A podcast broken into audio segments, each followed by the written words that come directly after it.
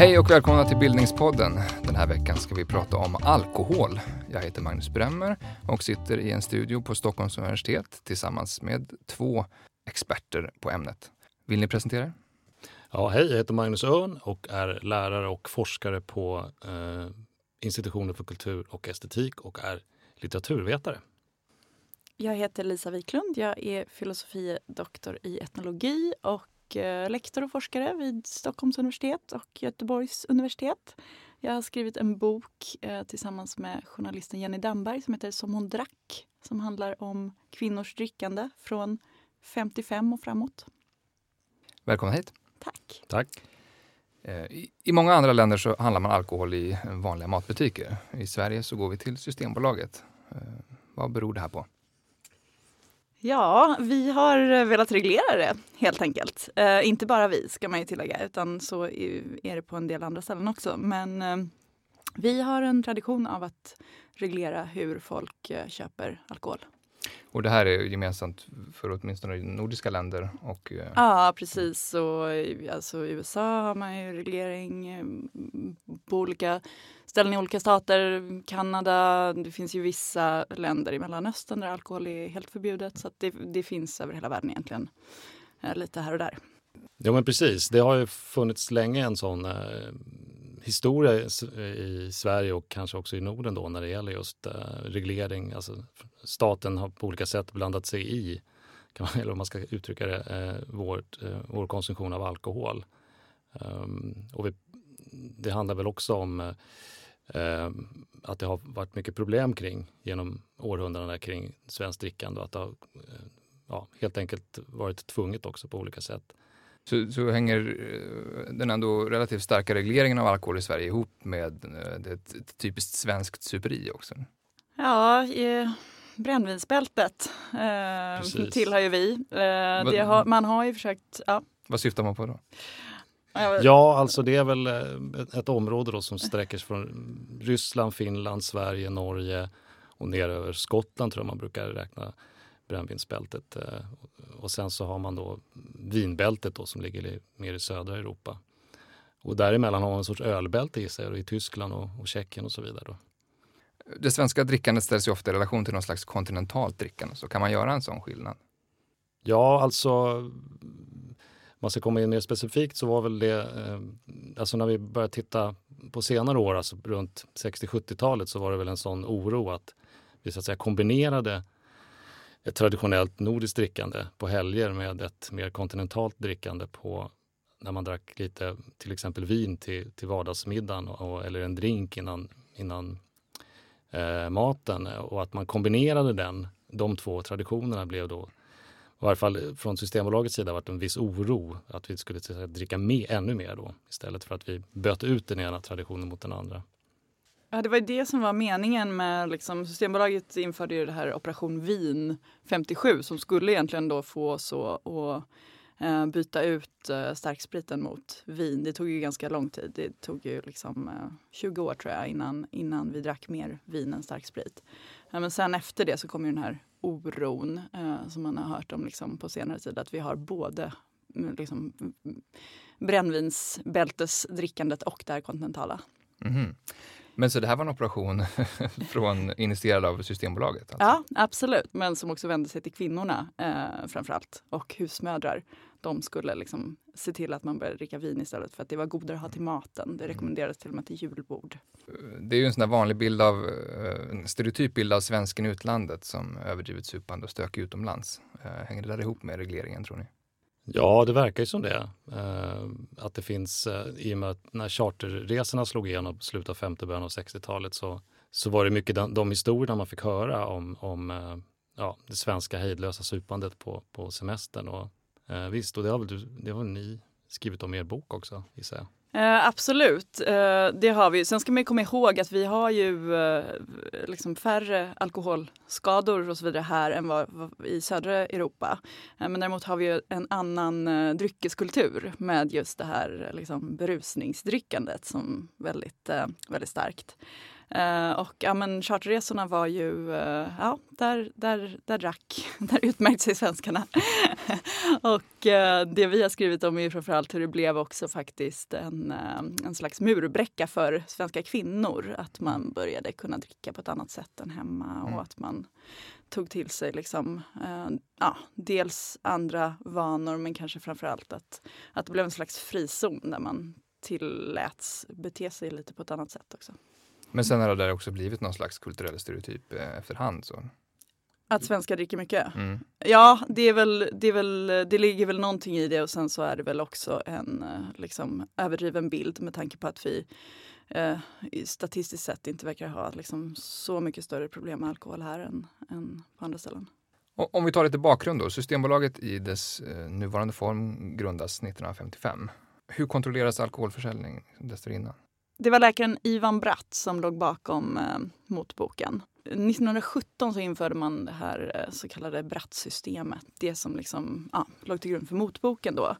Vad var eh, motboken för någonting? Ja, då tänkte man sig att man var olika liksom, kompetent att hantera alkohol. Så då skulle man eh, få en individuell tilldelning efter hur kompetent man var. Och det var de... en, en individuell ransonering av ens alkoholmängd? Ja, precis. Och Tillåtna alkoholmängd? Ja. Mm.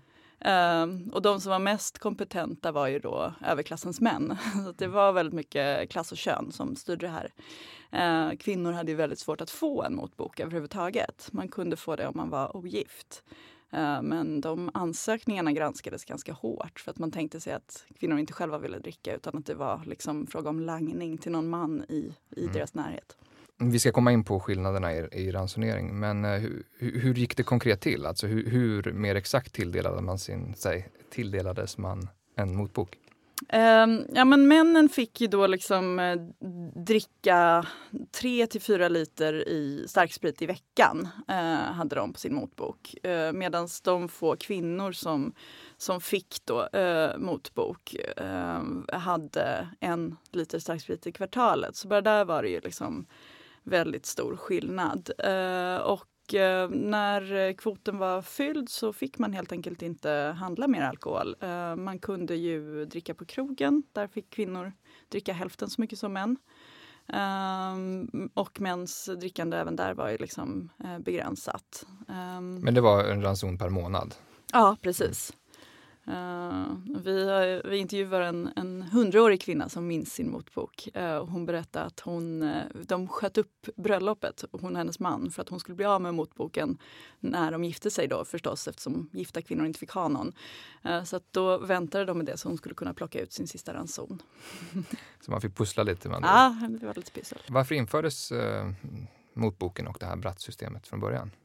Nej, jag gissar bara att det var ju olika typer av regleringar som, som avlöste varandra. Alltså man prövade olika modeller och, och eh, det var också olika i, beroende på var man bodde i Sverige någonstans. Eh, och, mm, så jag, jag, har inte någon direkt koll på varför just motboken dök upp just då. Men, men, eh, men, men, det, var ju, det var ju en följd av regleringar just för att försöka, stävja det här superiet då, som man tyckte framförallt då eh, arbetarklassen höll på med. Mm. Arbetarklassens män var det ju mm, verkligen mm. som man skulle skulle få att dricka mindre. Men det funkade inte så bra eh, med motboken ändå. Eh, så att, eh, det var ju eh, också ett skäl till att den, den avskaffades. Förutom att, att man började tycka att det var orättvist med de här eh, liksom, eh, olika reglerna för olika klasser och så vidare. Mm. Ehm. Vad var det som inte fungerade? Nej, de man inte ville skulle dricka drack ändå. Mm det var, arbetslösa fick ju ingen motbok och liksom så kallade lösdrivare fick ingen motbok och sådär men de, de fick tag i den då. Så det var ingen, uh, den var inte jätteeffektiv. Uh, men däremot var det absolut ingen jämställdhetsfråga. Uh, det var delvis en klassfråga. men det var ingen som påstod att det skulle vara orättvist att inte kvinnor fick mm. någon motbok. Och, och på krogen så, så regleras det på ett annat sätt? Ja precis, det är därifrån det här uttrycket eh, två vita och en brun kommer. Att man fick eh, två femmor snaps och en femma konjak. Eh, mm. män då. Eh, och kvinnor fick hälften så mycket. Eh, samma mängd av vitt och brunt men eh, hälften så många Ja, centiliter. precis. Så. Totalt 7,5 centiliter. då. Precis, och det var ju också då restriktioner kring att man var tvungen att äta också då. Alltså det fanns det som kallas för restriktionsmat. Mm. Hur fungerar det då? Ehm, och det finns det ju ganska mycket skrivet om i litteraturen också och, i, och skämtades mycket om eh, den här, de här maträtterna som, som egentligen bara var någon sorts skådebröd i stort sett. Alltså att de kom in på bordet och stod kvar där. Eh, och sen bar, bar, bar de ut det igen eh, och sen kom det in igen och nä, nästa kund ville ha, eller nästa restauranggäst eh, eh, skulle beställa sina eh, två vita och bruna. Um, och det finns, um, jag lyssnade häromdagen på sketcher med Tor Modén till exempel från 20-30-talet och det är väldigt mycket restriktionsmat i, i de sketcherna. Så det, det, Hur, hur används det? eh, ja, alltså de beställer in, eh, bland annat så beställer de in eh, jord, ett fat jordgubbar. Eh, och då, eh, problemet är ju bara att vid vissa årstider så finns det inga jordgubbar. Men det var liksom inte det som var problemet egentligen utan problemet var att de var tvungna att beställa in någonting och då tog de i stort sett vad som helst då, som jordgubbar eller hallon eller något sånt där. Hur, hur utbrett var det här fenomenet med där eh, skådebröd? Ehm, Jag tror att det var ganska utbrett. Ehm, Du jag, hade ju personligt minne av det. jag vet att jag själv första gången när jag var tillräckligt gammal för att gå på krogen och dricka öl så var det eh, olika typer av smörgåsar som bars in och ut i, på, på de ställena jag var i Stockholm då. Men ehm, ja, vaga minnen av detta har jag. Lisa, du var inne på de olika ransonerna för män och kvinnor och eh, baserat på klass och så. Eh, eh, Finns det några formuleringar kring det där från Brattsystemets håll? Eh, ja, men det var ju just det här med att man skulle liksom individualisera det hela. Eh, och att man skulle liksom ge åt var och en vad den klarade av egentligen. Hur, hur motiverade man det där? Ja, men då hade ju eh, Ivan Bratt och den här läkaren tänkte ju säga att, att man var helt enkelt olika kompetent då som, som drinkare. Uh, och eh, att helt enkelt att kontrollen bör vara individualiserad och bygga på att människor är olika. Så formulerades det. Liksom. Uh, och, och då var det ju just det här att, att de mest kompetenta var eh, överklassens män. Eh, och det kan man väl känna igen delvis än idag. Att eh, det är aldrig de som liksom är problemet när man talar om, Mm. om eh, problem med alkohol. Och du som har närstuderat det där, hur, hur ser hierarkin ut ungefär? Vi hade överklassens män Mm. överst. Eh, Var någonstans möts, eh, var någonstans ligger överklassens kvinnor kontra arbetarklassmän? Nej men överklassens kvinnor fick ju ingen eh, motbok om de var gifta. Eh, man kunde ju få en motbok som yrkesarbetande kvinna. Eh, Men om liksom de här ansökningarna bemöttes ganska hårt också. Att, eh, att det var rätt svårt att få den där motboken eftersom det, man räknade med att man eh, egentligen ville då langa till någon man i ens närhet för att va, eh, kvinnor drack inte helt enkelt. Och så var det svårare då för, för eh, eh, män från arbetarklassen eh, fick mindre att dricka och arbetslösa och så kallade lösdrivare fick ingenting heller. Så de var också utan motbok. Eh, Ni har ju båda forskat om eh, genusaspekter på det här med drickande. Alltså, var kommer de här föreställningarna om manligt och kvinnligt drickande ifrån? Liksom, hur gamla är de? Alltså jag tittade ju tillbaks, jag försökte hitta grunden till hela, eller grunden, men, men någon sorts startpunkt och, och jag började, började med gubben, gubben Noa, kan jag säga. med Noa i Bibeln som då eh, ja, dricker, dricker sig redlös och somnar naken i ett tält, tror jag formuleringen är. Det är en av de första eh, Ja, fyllorna i fyll, fyllorna i litteraturhistorien. då. Ehm, och, och den är ju då delvis ambivalent för frågan är hur man ska tolka Noas beteende här. Alltså, eh, uppenbarligen har han ju druckit för mycket men samtidigt så är ju också det, ja, vinet är ju också någon sorts glädje och det är också någon sorts Mys. ja, bejakande i att dricka. Så att det, det, Finns det, några, finns det några formuleringar i Bibeln som antyder Guds syn på detta drickande? Nej, och det är det som har varit problemet då genom historien, att det har inte funnits någon, eh, därför har det tolkats på väldigt olika sätt genom historien då, om, eh, antingen åt det ena eller andra hållet då, om, om huruvida man ska dricka vin och hur mycket vin man ska dricka. Så redan där finns ambivalensen som, som kanske fortfarande finns då i, och kanske i synnerhet i Sverige då när det gäller förhållandet till alkohol, är ju säga, ganska tvehågset. Så det har varit en, en, en fråga för bibeltolkningen. Absolut. Och kan jag tänka mig då också för, för nykterhetsrörelsen och så vidare, för att det, det står ju faktiskt i Bibeln. Har, eh, har drickande någonsin varit förbjudet för kvinnor? Ja, de fick ju ingen motbok. Eh, så Mm. typ, i den meningen eh, var det ju svårt för dem att, att liksom lagligt skaffa sig eh, egen alkohol i alla fall. Men Kunde gifta kvinnor dricka på krogen ja, utan sällskap absolut. av man? Eh, ja, fast det, det förekom ju i princip inte. Då blev man ju eh, tagen för liksom, prostituerad. Eh, så det var ju liksom inte eh, någonting som, som hände riktigt. Men de kunde ju dricka på krogen. Då fick de den här halva ransonen då. Mm.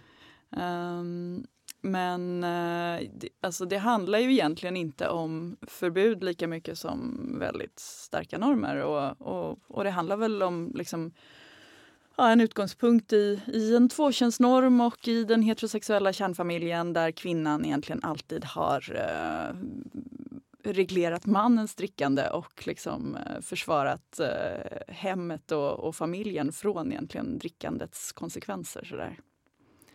Har, har det ansetts farligt för kvinnor mm, att dricka?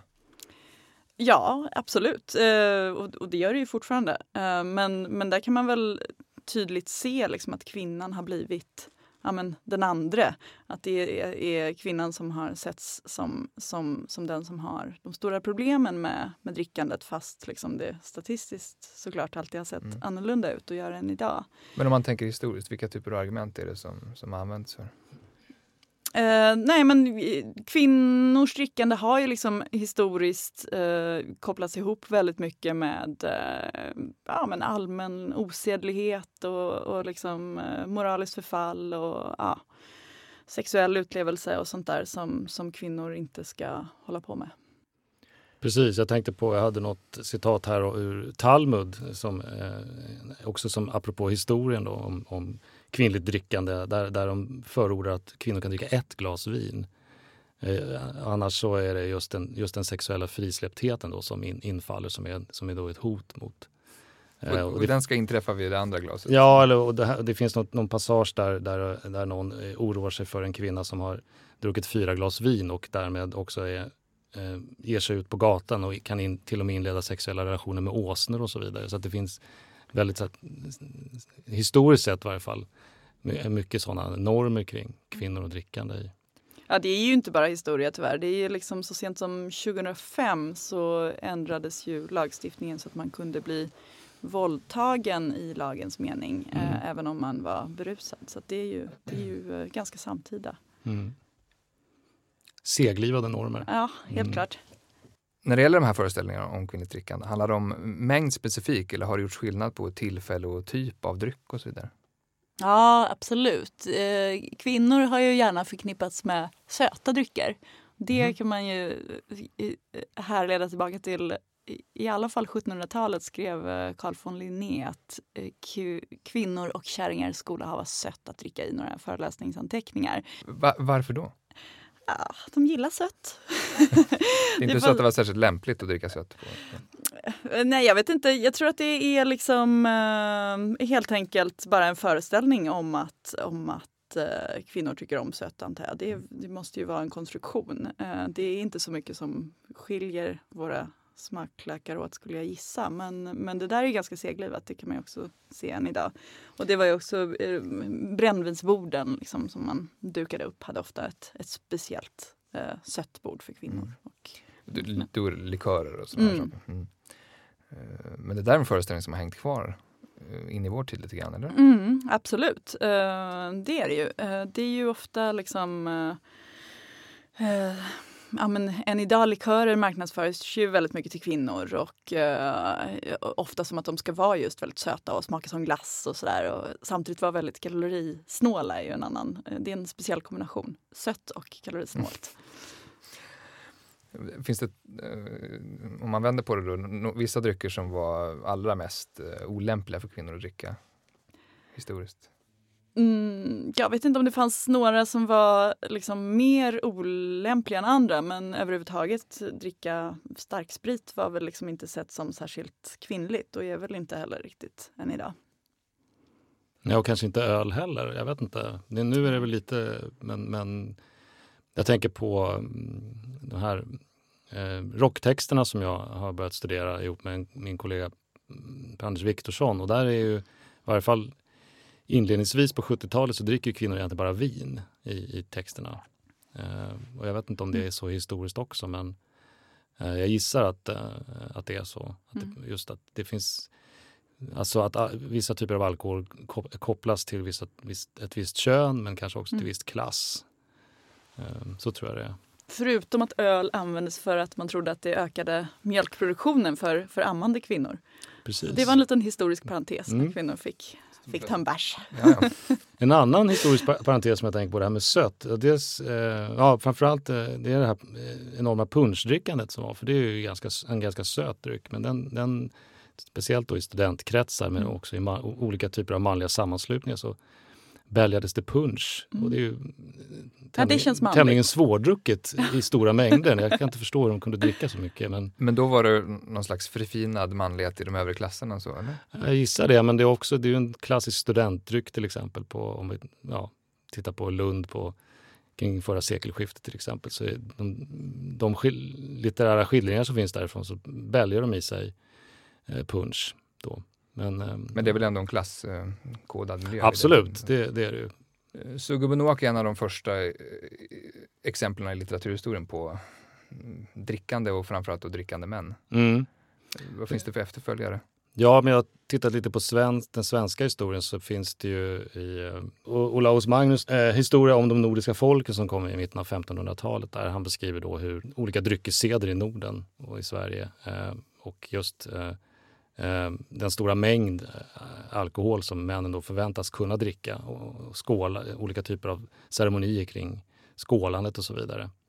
Eh, och att man också då ska kunna dricka stående och så vidare.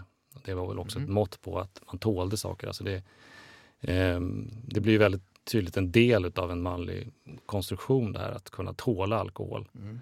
Eh, och den, den följer med vidare sen om vi tittar på Stjärnhjelms Herkules till exempel från 1600-talet. Där Som är en, eh, Ja, som är en sån lärodikt som är då riktad till, till unga ädlingar. Som, ja, det, är- där det är då olika personifikationer utav egenskaper och eh, eh, lustar. Och just eh, lusten att dricka alkohol, det är, ju- det är ju rus.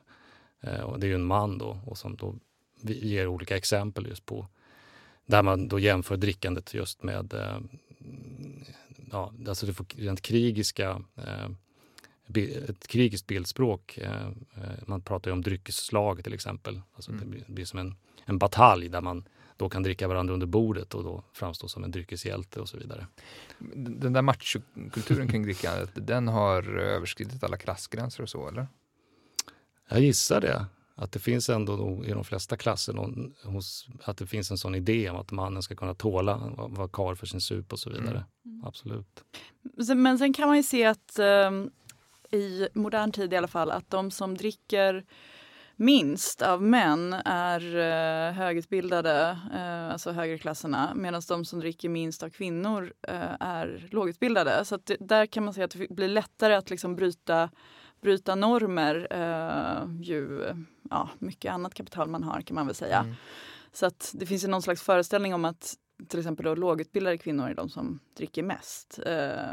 Eller någon sån liksom schablonbild, men så är det inte. Utan att högutbildade kvinnor dricker mest och lågutbildade män dricker mest idag. Kan man se några liksom, historiska förklaringsmodeller till när kvinnor börjar dricka mer? Det börjar bli mer accepterat att dricka för kvinnor.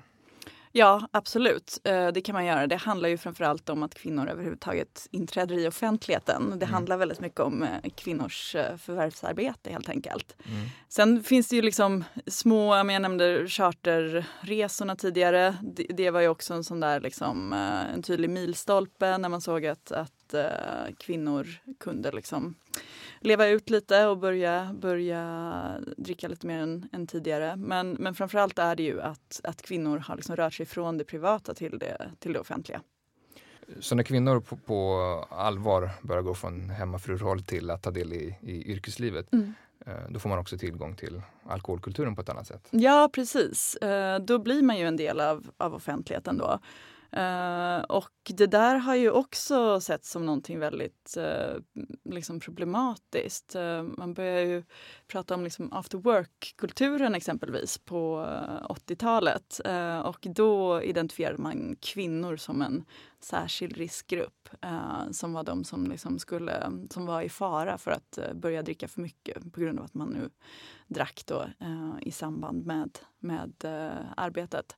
Men den faran hade man ju aldrig riktigt identifierat liksom, för män på samma sätt. Precis när kvinnorna träder in på arbetsplatserna, eh, deltar man i alkoholkulturen på ungefär lika villkor? Uh, ja, men det får man väl säga att man gör. Alltså, då hade man ju gjort liksom ett stort uh, jobb med att torka upp arbetsplatserna. Det dracks mm. ju väldigt mycket på jobbet, alltså på arbetstid. Liksom. Uh, ja, men under liksom 60-70-talet fortfarande. Mm. så det hade man ju lyckats bli av med. Men, sen, men då var kvinnorna involverade i det? Nej, men då var ju inte kvinnorna där i lika hög utsträckning. Sen kom ju mm. kvinnorna in och började jobba mer och mer.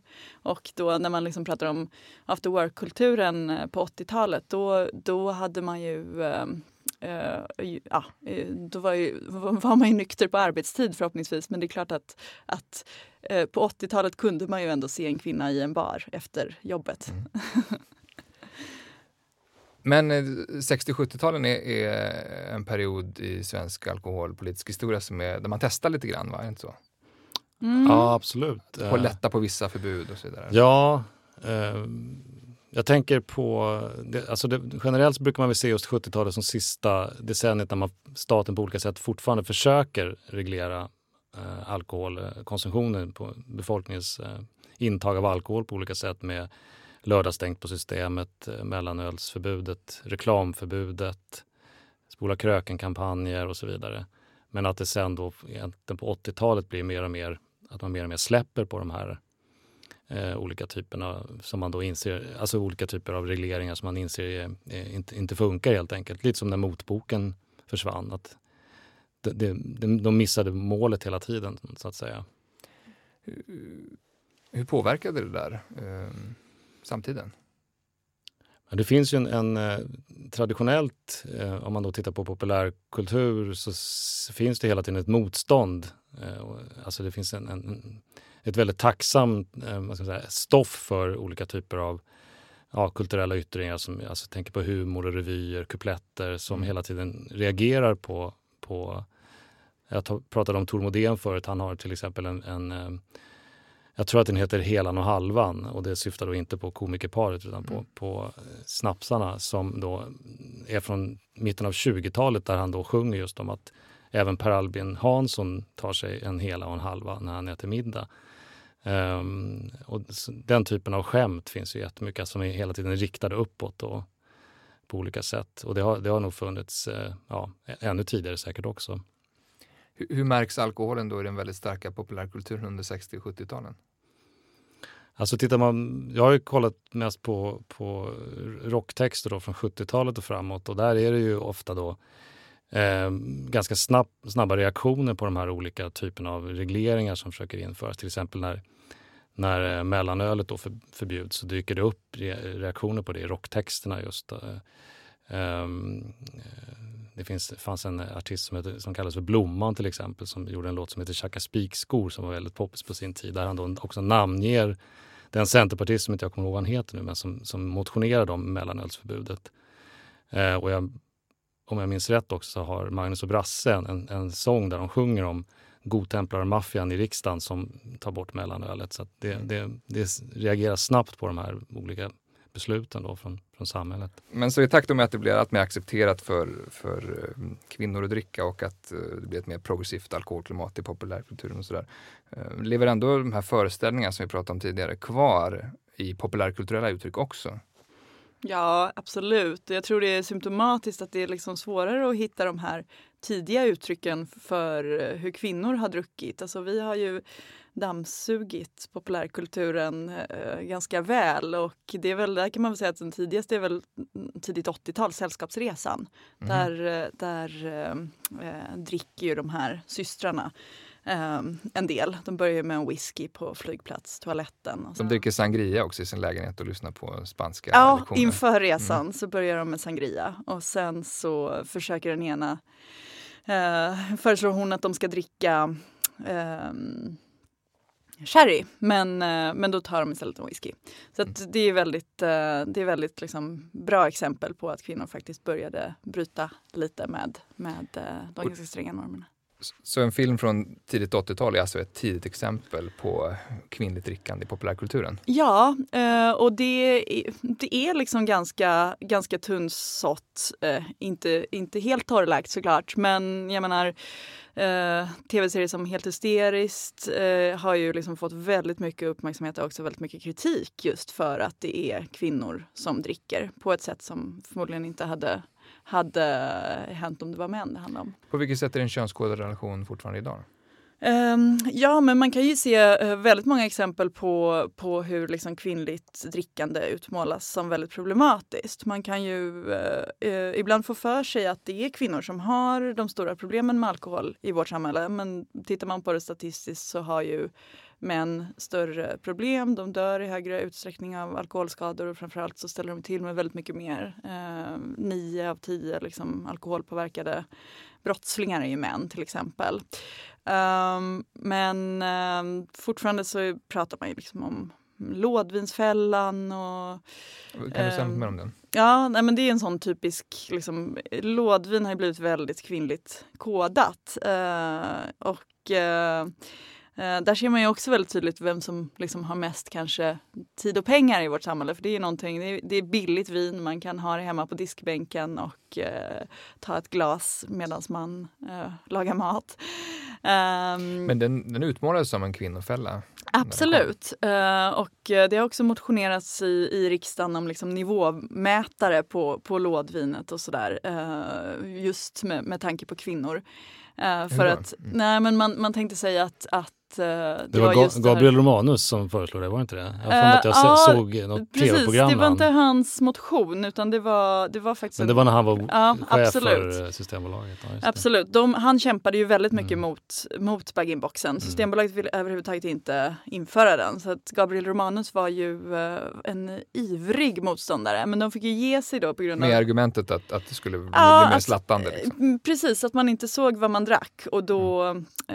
eh, skulle man eh, råka dricka för mycket. Och, och just det här råka dricka för mycket det är någonting som man alltid liksom kopplar till kvinnor. Kvinnor är aldrig Mm. riktigt ett aktivt subjekt i sitt drickande på det sättet som män är. Så att då var ju lådvinsfällan då väldigt liksom, listigt gillrad för kvinnor. Det var svårt för dem att, att eh, kunna eh, hantera det här eftersom de inte såg vad de drack. Och intressant är ju då de här lådvinerna som ser ut som handväskor tänkte jag på. Ja, precis. Det Som verkligen är riktad, nästan, eh, väldigt könad sprit. Absolut, Mm. verkligen. Jag tänkte bara på, jag måste få säga en sak om populärkulturen där angående de här sega normerna så handlar det också om att populärkulturen ofta så att säga utgår från schabloner och alltså gamla värderingar. I sin, alltså det ligger någonstans i den genren. Så det är ju sådana sega strukturer också kvar som jag tror inte är så jätteuttänkt ideologiska utan att man bara egentligen traderar vidare precis det som vi kan se i reklamen, att det bygger liksom på fördomar och det bygger på sådana saker också. Så det, Apropå tidiga exempel på kvinnligt drickande i populärkulturen, vad finns det lite för fler exempel? Musik och kultur? Alltså det, det som vi tyckt har varit intressant då eh, när vi har tittat på rocktexterna just, det är ju att eh, de tidiga rocktexterna där, som, där kvinnor dricker, eh, de bekräftar den här traditionella bilden. Alltså, eh, det finns, det kom en skiva som heter Sånger om kvinnor som kom ganska ja, tidigt 70-tal, till och med kanske 1970. Eh, där det finns eh, en sång som heter Törnrosa då, som handlar om en eh, olycklig kvinna som väntar på prinsen som aldrig kommer och så, till slut så tar hon ja, och dricker en flaska vin då som hon har köpt på Systembolaget. Ehm, ehm, och att det blir någon sorts tragik över det hela. Och det, hon befinner sig i någon sorts offerroll. Alltså. Och det intressanta är ju då, att den, den texten är skriven av en man. Då. Så att, eh, och, det är liksom, eh, och den bilden bekräftas sen eh, i andra texter också. Då. Men, men sen efterhand så börjar det hända saker precis då som med Sällskapsresan. Att kvinnor kan dricka liksom mer för, för, för lusten att dricka utan att det är som skambelagt på olika sätt. Och att, att också kvinnor efterhand intar då den här manliga arenan krogen också då, efter, efterhand också i texterna. Och gör det utan så att säga, ehm, och gör det liksom på sitt eget villkor någonstans. Så att, eh, men men till, till att börja med så bekräftar nog rocktexterna den här allmänna Mm. bilden. Men var de där normbrotten någonting som gav upphov till reaktioner i 80-talet och samtiden? Uh, ja, eh, det, jag vet inte precis mm. hur, hur det var med Sällskapsresan. om det var, men jag menar om man tittar, eh, det går ju bara att titta liksom senare så ser vi att det fortfarande är, eh, blir reaktioner. Sex and the City är väl ett sånt ganska sent exempel där, där kvinnor, som handlar väldigt mycket om liksom kvinnlig ekonomisk frigörelse och kvinnor som, som yrkesarbetar och också då eh, dricker Cosmopolitan eh, som de betalar för själva. Eh, det ledde ju till otroligt mycket reaktioner när den serien kom. Mm. Men jag tänker också på det här exemplet från 70-talet eh, med den här tv-serien Arvingarna, den här engelska tv-serien som då handlar lite om det vi pratade om förut, den här krocken mellan två olika dryckeskulturer. Eh, där då eh, familjen Hammond som det handlar om hela tiden tar en gin och tonic eller möjligtvis en dry martini innan de ska äta middag och där är ju då även kvinnorna med och dricker de här drinkarna.